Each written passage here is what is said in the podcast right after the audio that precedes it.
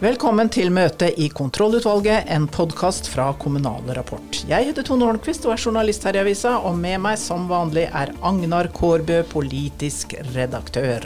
Endelig tilbake i studio. Vi skal snakke om uh, konstituering av kommunestyrer. Er det galt når det største partiet ikke får ordføreren? Svein Tuastad, statsviter ved Universitetet i Stavanger, han uh, skal si litt om det.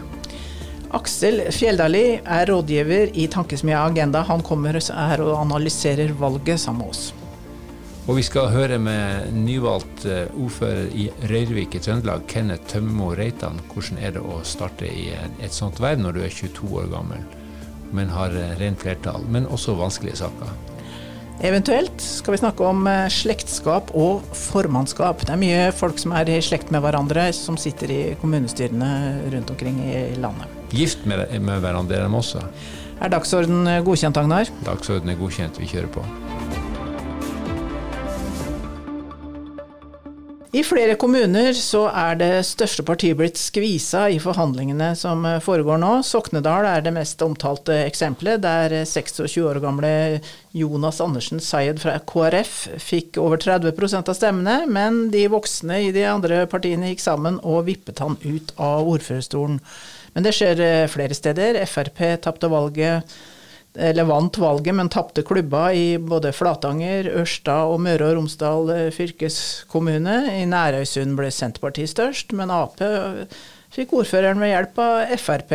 Og i Østfold fylkeskommune ble Høyre størst, men Ap stikker av med fylkesordføreren. Og dette har jo du reagert litt på, Svein Erik Tuastad, førsteamanuensis ved Universitetet i Stavanger. Hva er det du reagerer på? Så det jeg uh, reagerer på, er at velgerne av og til får noe annet enn det de stemmer på, enn det de tror de stemmer på. Så én ting er at det er noen forhandlinger etter valget, og at det kan være litt sånn uklart. Men det, en helt sånn elementær bestanddel i demokratiet, det er det at vi skal vite hvilke alternativ vi stemmer på. Hvis vi ikke vet det, så blir demokratiet litt omgjort til et litt sånn uh, lottospill. At det blir litt sånn trekninger og tilfeldigheter i forhandlingsspill etterpå. Og jeg tror at uh, vi liksom har gått for langt i å godta det. Altså, Sokndal er én ting. En annen ting er det som skjedde i Sandnes, der rett nok utfallet ble i tråd med folkeviljen. Men der var det jo òg sånn at når velgerne gikk til valg, så var det umulig å få ut av politikerne hva de egentlig ville gjøre etter valget. Men da, vet, da, jo, da bryter det jo med den forutsetningen at, uh, at vi skal vite hva alternativene vi stemmer på er. Det, det er nesten Altså hvis du, hvis du, ber om fisk, og så får du liksom uh, svinekoteletter uh, til menyen, altså da er, bryter det med forutsetningen for det som er et opplyst valg. Svekker det tilliten til uh, både demokratiet og politikerne? Helt opplagt. Altså, det er, det er, to ting uh, her som, som uh, svekker tilliten. Det ene er det at du ikke vet hva du stemmer på. Men det er jo òg måten ting skjer på. Sånn som I Sandnes så, så sier han retoriet ordføreren til Høyre, at uh, først skulle vi se Arbeiderpartiet, så skulle vi se Frp, så skulle vi se og så sa han Frp kan få ordføreren. Og så sier han etterpå at det som var feilen, det var egentlig at vi var på feil sted, vi var på rådhuset. For da seiv de ut hva vi sa til de andre, så, så derfor kunne ikke han Frp-fyren bli ordfører likevel. Hvis vi bare hadde vært på et annet sted, så hadde det blitt sånn. Så, så det betyr i praksis at uh, altså hvis vi skal ta han på ordet, da, så, så blir det en sånn tilfeldighet som hvor hen de satt og forhandla. Det avgjorde hvem som ble ordfører i en uh, i en uh, landets syvende største by. Og dette, uh, også, dette spiller seg òg ut på åpen scene. Sant? Og folk blir jo helt sånn sjokka over måten ting, ting, skjer, ting skjer på. At det er så fram og tilbake igjen.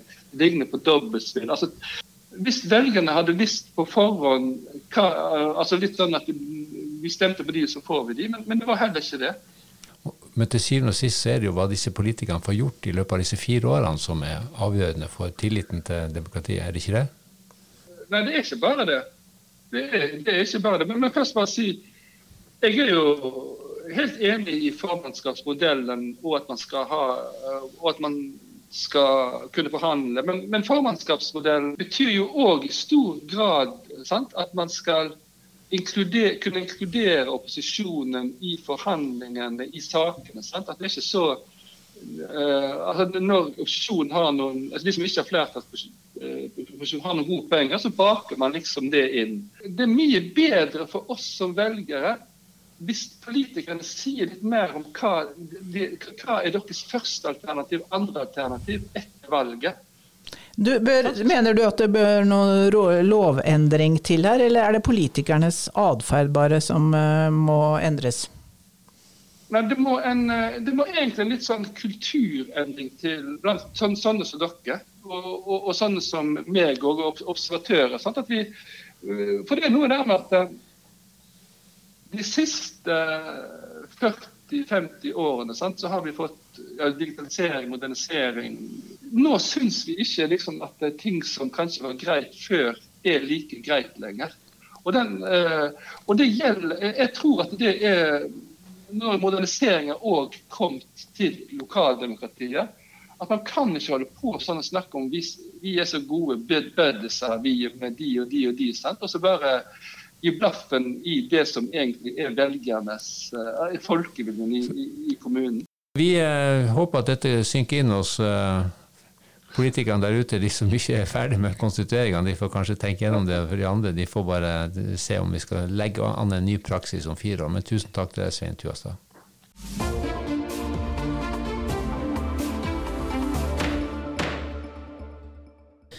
Da har vi fått med oss eh, Aksel Fjelldavliv, rådgiver i tenketanken eller tankesmia Agenda. Og du skal hjelpe oss med å analysere dette valget. Eh, hva er hovedtrekka? Jo, eh, jeg vil si sånn helt overordna har dette vært et valg som har vært uvanlig vanlig. I den forstand at det ikke har vært nye saker som bompenger, klima, flyktningkrise som har prega kommunevalget sin nasjonale dagsorden, men at det i stor grad har vært eh, velferdssaker, økonomiske høyre-venstre-spørsmål som har vært høyest på velgerne sin dagsorden. Og dette er jo også hoveddelen av kommunene sitt budsjett, så sånn sett kan du si at det har vært en eh, rettferdig speiling av eh, hva kommunepolitikk ofte handler om.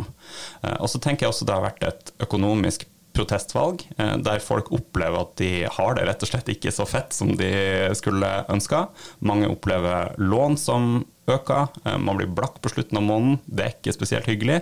Eh, og da er det nesten en statsvitenskapelig jernlov at de som styrer, også får en smekk. Og Når vi har invitert deg, så er det jo fordi at du har mer innsikt enn de fleste av oss i partier og velgere og valgresultat. Du har jo, uh, du har jo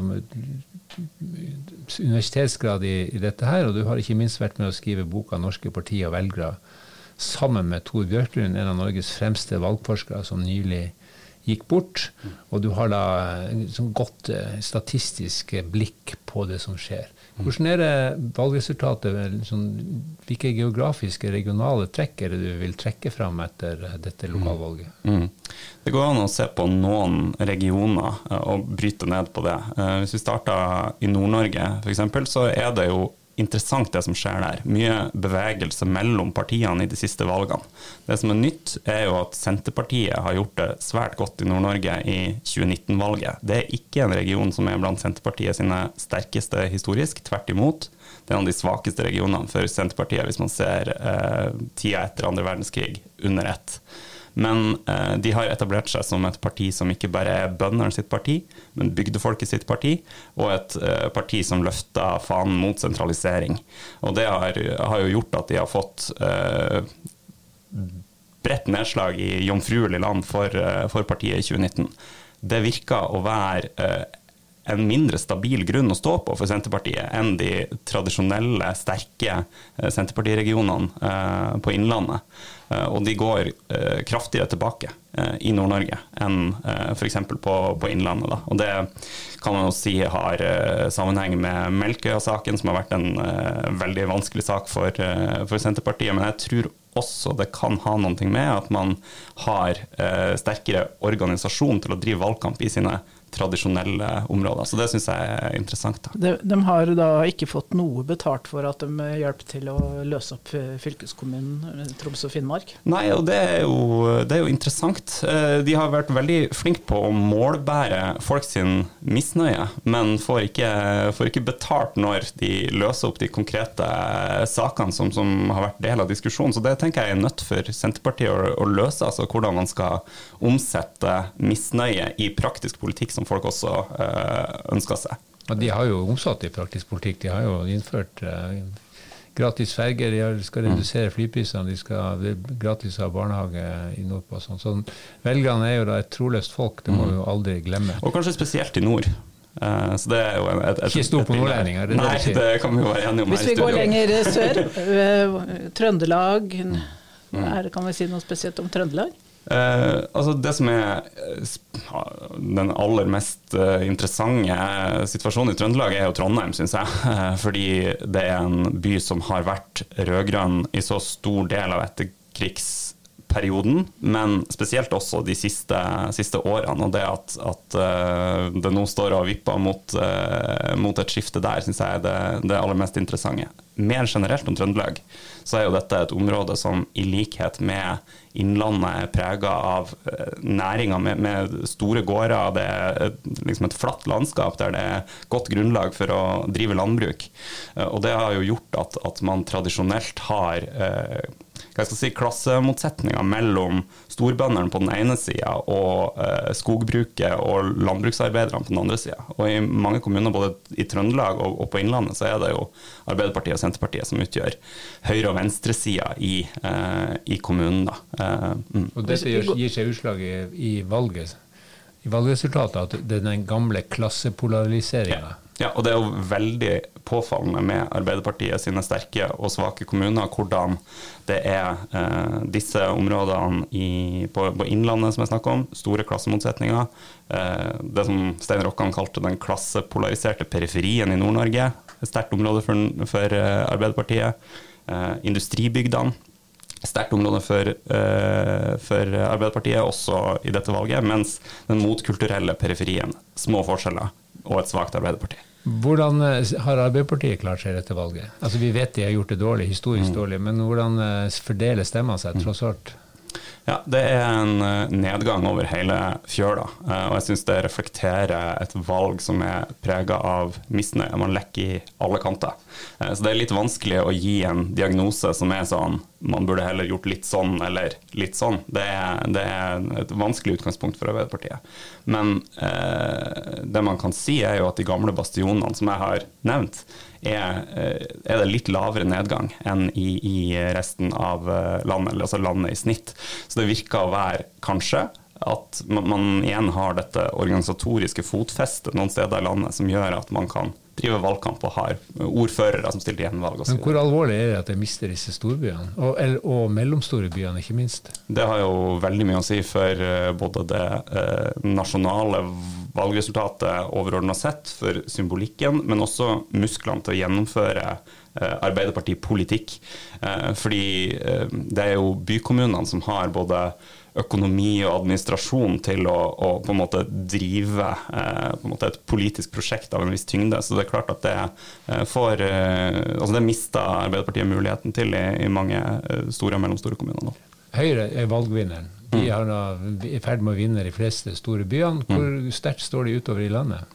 Mindre sterkt. Altså, det, det, er jo noen områder der uh, Høyre tradisjonelt står, uh, står, dårligere. Spesielt der Senterpartiet utgjør høyresida i, uh, i kommunen. Men, men, Høyre har jo blitt et landsomfattende parti som dekker nord til sør, altså, som stiller lister overalt. Så um, Ja, Det er jo resultatet av høyrebølgen på 70- og 80-tallet, at de markerte seg som et parti for folk flest, selv om eh, Arbeiderpartiet aldri helt har forsont seg med det. Men nå må de selvfølgelig gjøre det. Eh, Hvor viktig er det for Høyre å vinne alle disse ordførerne med tanke på valget i 2025? Symbolsk viktig. Eh, og det er også en, en hva jeg skal si, en, en eh, breeding ground. Altså Her fødes det, fødes det nasjonale politikere ute i kommunene. ikke sant? Det er mange som får erfaring og som kan trekkes inn i et uh, regjeringsapparat uh, senere. Så jeg tenker det er veldig viktig for, uh, for Høyre at de får denne muligheten. Men de har jo kommet med noen klare løfter, Høyre. Blant annet så handler det om økonomi. altså Kommunale avgifter, mm. eiendomsskatt og summen av alt dette skal ikke gå opp. Mm. Og det kommer de selvfølgelig til å slite med å innfri. Mm. Kan det bli et problem om to år?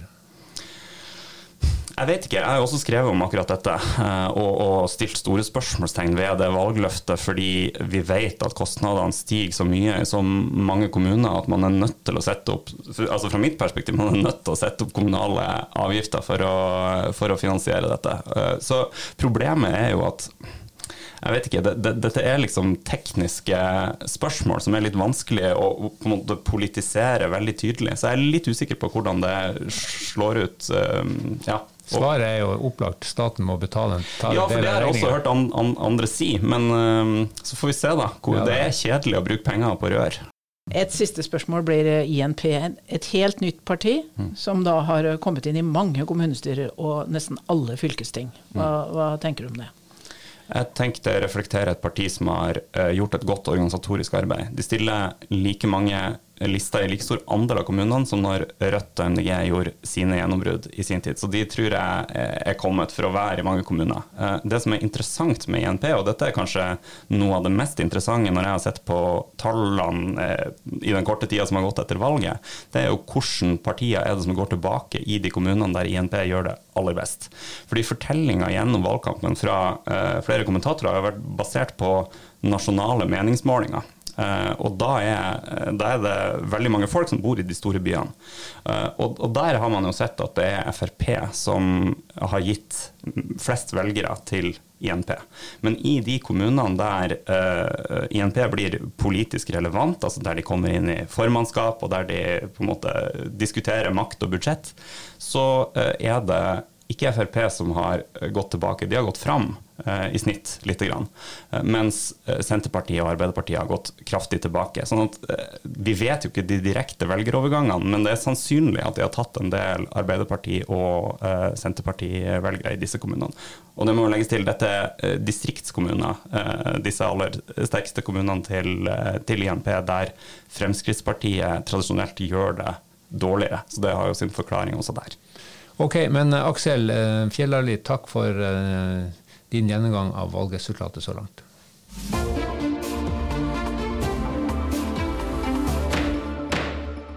Det blir stadig nye ordførere her i Norge, og en av dem er en ung mann på 22 år som heter Kenneth Tømmermo Reitan, og du er blitt ordfører i Røyrvik.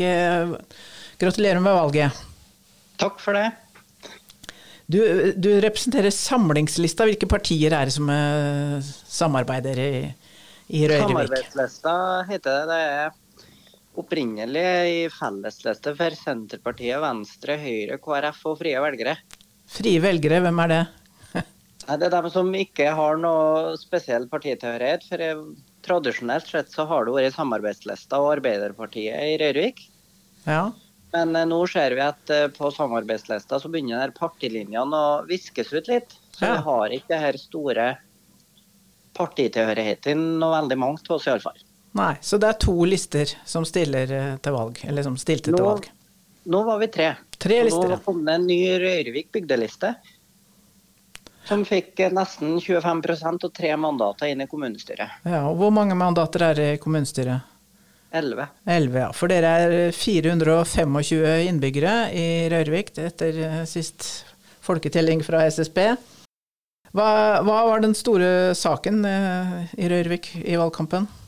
Det var helt klart gruvedrift. Nå har jo kommunestyret 5.9 enstemmig vedtatt reguleringsplanen for Jåma industriområde, der det nå er diskusjon om vi skal ha gruvedrift og starte opp det. Men så er vi jo en samisk forvaltningskommune og har reindrift i området.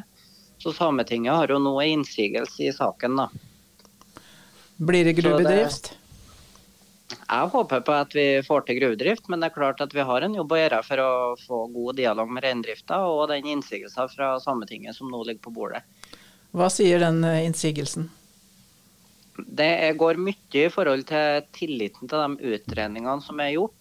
På, og de syns det er for lite utreda i forhold til konsekvensene for reindrifta.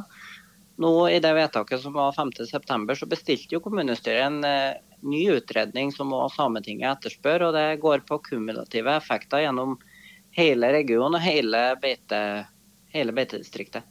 Hva, hva kan ny gruvedrift bety for kommunen? Først og fremst så er det at vi får brukt opp konsesjonskrafta vår. Bare det utgjør mellom 15 20% mer i kommunebudsjettet å rutte med. I tillegg til at det kan bidra til flere arbeidsplasser, sånn at vi kanskje får eh, en liten økning i befolkning. Jeg håper at den blir stor. Og at vi får også, at næringsaktørene ellers i bygda òg får at det dryper litt på dem gjennom gruvedrifta. Det har jeg stor trua på at vi skal få til, og at uh, vi kan få til litt vekst og utvikling. Det er det jeg håper på. Du er ikke redd for at det blir en vedvarende konflikt? Jo, Eh, jeg er det. Men eh, det er klart at da må vi arbeide, vi som er politikere. og Nå skal vi nå først og fremst fortsette konsultasjonsmøtene med reindrifta og prøve å komme til løsning der. Og Hvis Sametinget ikke trekker innsigelser, så går det jo til mekling til statsforvalteren. Så dette er et langs, langsiktig løp? Ja, det er det. Men selvfølgelig det vedtaket som var i kommunestyret 5.9, sendte også et signal til gruveselskapet, som nå fortsetter å planlegge det sendte òg et signal til næringsaktørene som eh, var litt i tvil på om de skulle satse, om de skal holde ut, eller om de rett og slett skulle legge ned bedriftene sine. Og det, Derfor så var det et veldig viktig signal fra kommunestyret, enstemmig sådan òg, den 5.9. på å vedta reguleringsplan. Men har du sittet i kommunestyret før? Nei, Nei, det har jeg ikke. Så du er helt fersk? Helt fersk. Men du har jobba for eh, Senterpartiet? Ja, jeg har arbeidet i Trøndelag Senterparti nå i ett og et halvt år.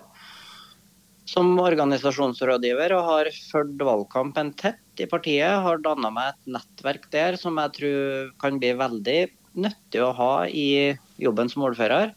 I tillegg til at jeg har hatt et politisk engasjement før det som ikke har vært veldig partipolitisk. Da. Hvordan har du tenkt å legge opp uh, jobben som ordfører?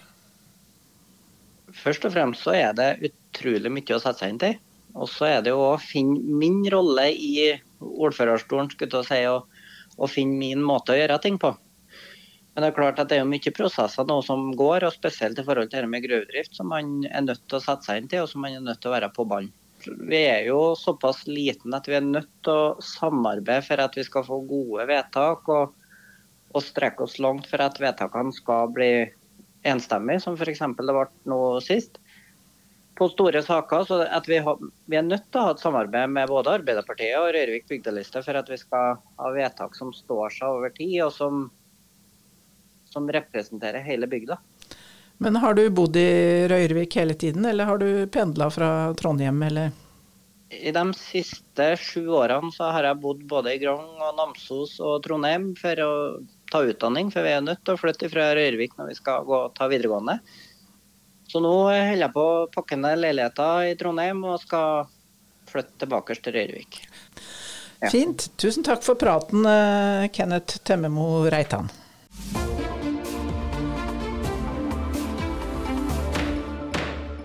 Da er vi kommet til eventuelt det jeg har lagt merke til etter dette valget, det er at det er mange som er i slekt med hverandre som skal styre kommunene. Stone, du har gått gjennom noen av eksemplene på slektskap og eh, ekteskap. F.eks. i Lyngdal. Unni Nilsen Husøy fra Fremskrittspartiet blir ordfører, og mannen hennes, Eivind Husøy fra Arbeiderpartiet, han blir varaordfører. Og i Ullensaker, Ståle Lien Hansen fra Fremskrittspartiet blir ordfører. Børre Lien Hansen, broren hans altså, blir varaordfører. Han er fra Høyre. Ja.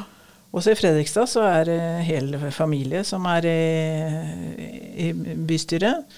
Jorulf og Bjørnar Laabak, de er brødre, henholdsvis Høyre og Frp. Og så er Simon Låbakk fra Arbeiderpartiet deres nevø igjen.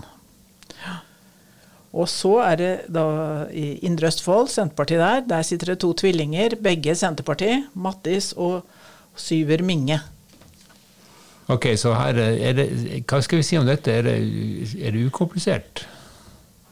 Altså det, det, har jo alltid vært mye familier eh, i kommunestyrene, og et politisk engasjement det er jo ofte litt eh, både smittsomt og arvelig. Så eh, det har vel ikke vært noen store problemer rundt det uh, før.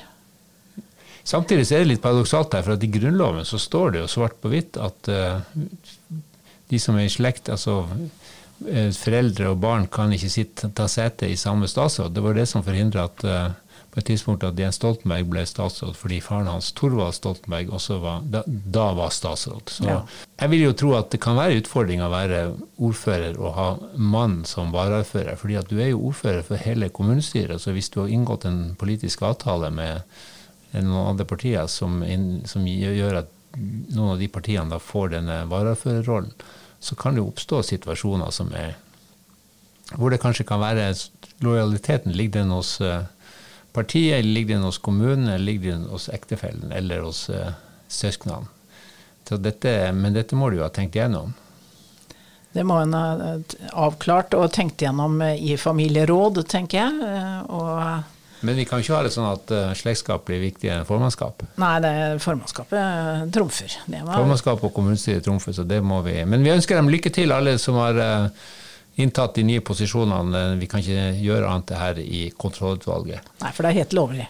Det er helt lovlig. Helt, la oss endelig slå det fast. I uh, studio denne gangen var det Tone Holmquist. Uh, mitt navn er Agnar Korbe. Vi har eh, laga og produsert denne utgaven av Kontrollutvalget. Finn fram på våre nettsider og abonner på nyhetsbrevene som vi sender ut i dødt og stadig. Redaktør for Kommunal Rapport og våre mange produkter er Britt Sofie Hesvik på gjenhør.